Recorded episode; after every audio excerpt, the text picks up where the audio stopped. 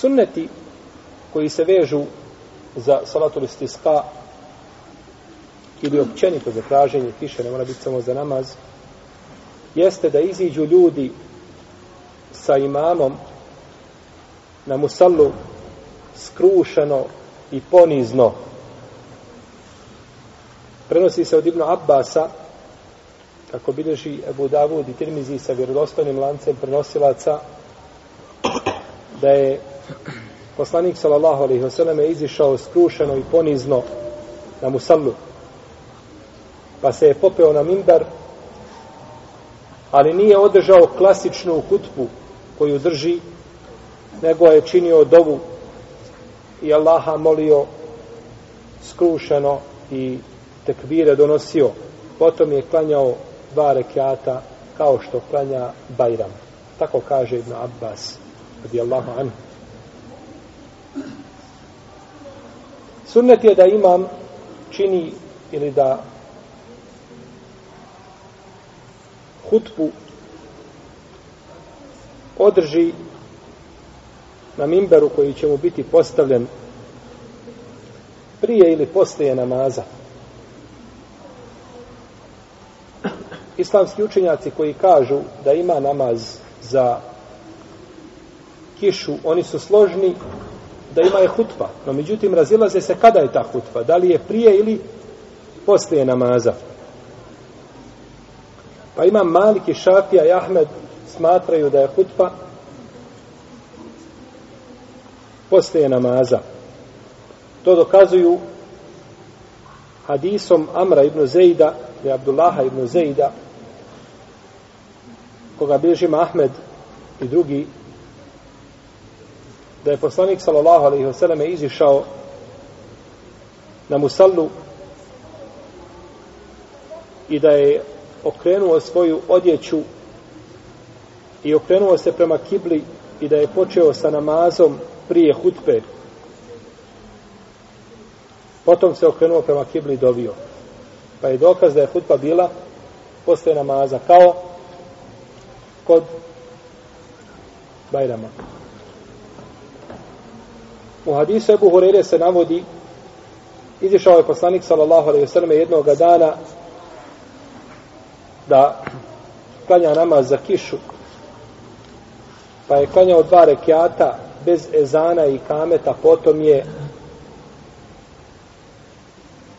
održao hutbu i dovio Allahu Đelešanuhu. Okrenuo je svoju odjeću i ono što je bilo na desnom ramenu došlo je na lijevo a ono što je bilo na lijevom došlo je na desno rame.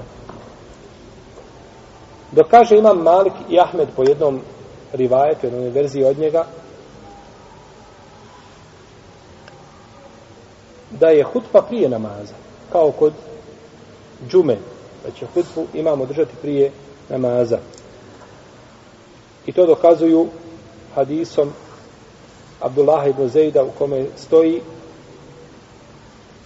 izišao je poslanik sallallahu alejhi da klanja namaz za kišu. Pa se okrenuo prema kibli i dovio, krenuo je svoju odjeću, potom je klanjao dva rekiata učeći na glas. I ovaj hadis bježe Buhari i Muslim. Pa izgleda da je poslanik sallallahu alejhi nekad činio jedno, a nekada činio drugo i da mjesto hutbe nije tako kategorički ograničeno, ako se učini prije namaza, ispravno je, ako se učini poslije namaza, isto tako neće, neće smetati.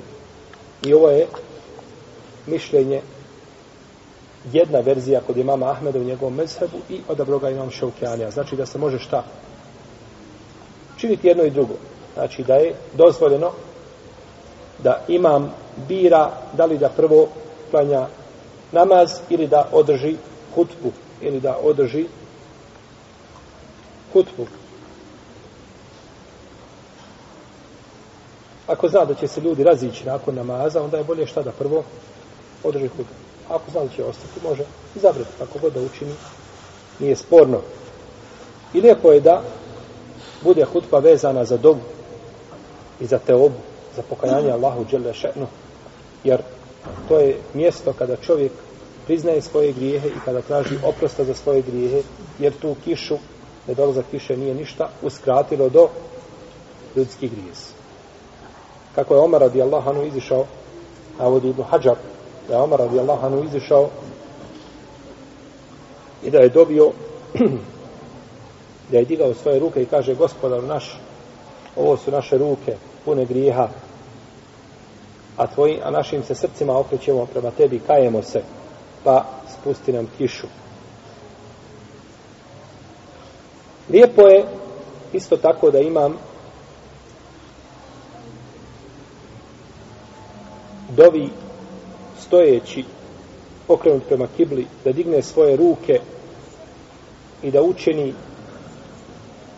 unutrašnje dijelove ruku ka zemlji, da je obrne ka zemlji.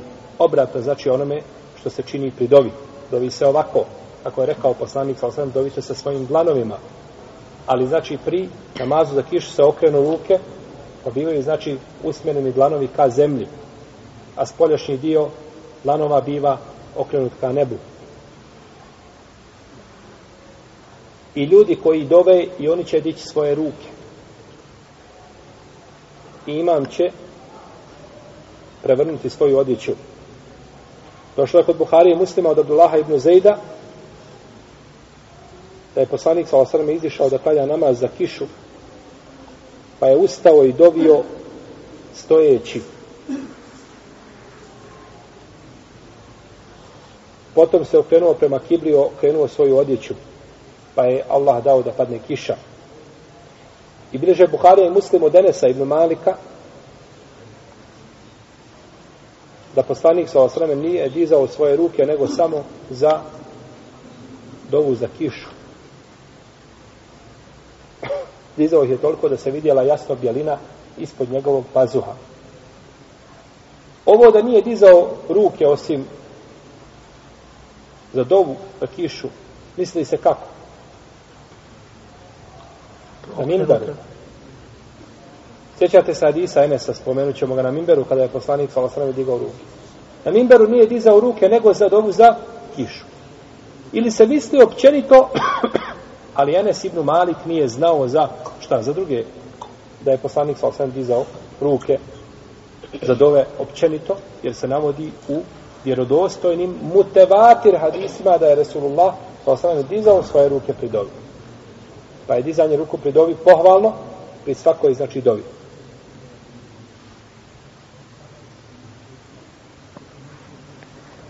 I došlo je u hadisu Enesa koga bilježi muslim i Ebu Davud i Tirmizi Eh, uh, ima Mahmed da je rekao ovdje se dali u hadisu kaže eh, nije dizao eh, pretredni hadis Senesa, nije dizao ruke a, nego samo pri savatoli stiska, tako da smo jasno vidjeli bjelinu ispod njegovog pazova, što znači da ih je šta? Visoko dizao. Da ih je visoko dizao, jer se ne može drugačije vidjeti bjelina ispod pazuha.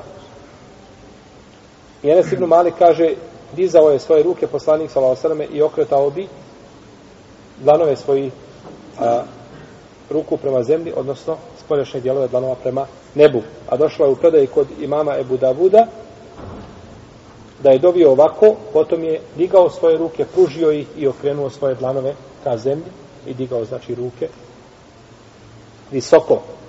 Tako da smo vidjeli dijelinu ispod njegovog pazuha. Pa je, znači, sunne da se ruke okrenu na opačke.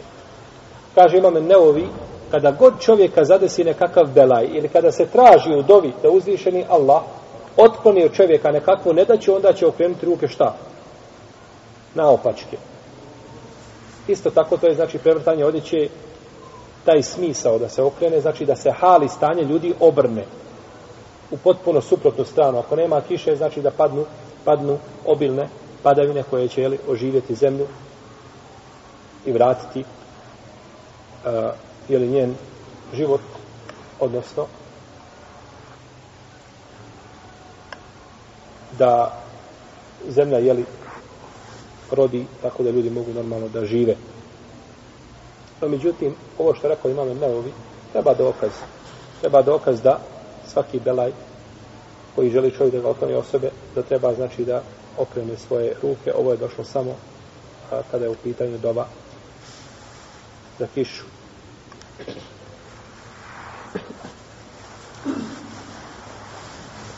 I došlo je u hadisu koga bilježi imam Buharija od Enesa ibn Malika da je rekao dobio je poslanik Salosrme petkom za kišu pa je digao svoje ruke pa su i prisutni ljudi dizali svoje ruke.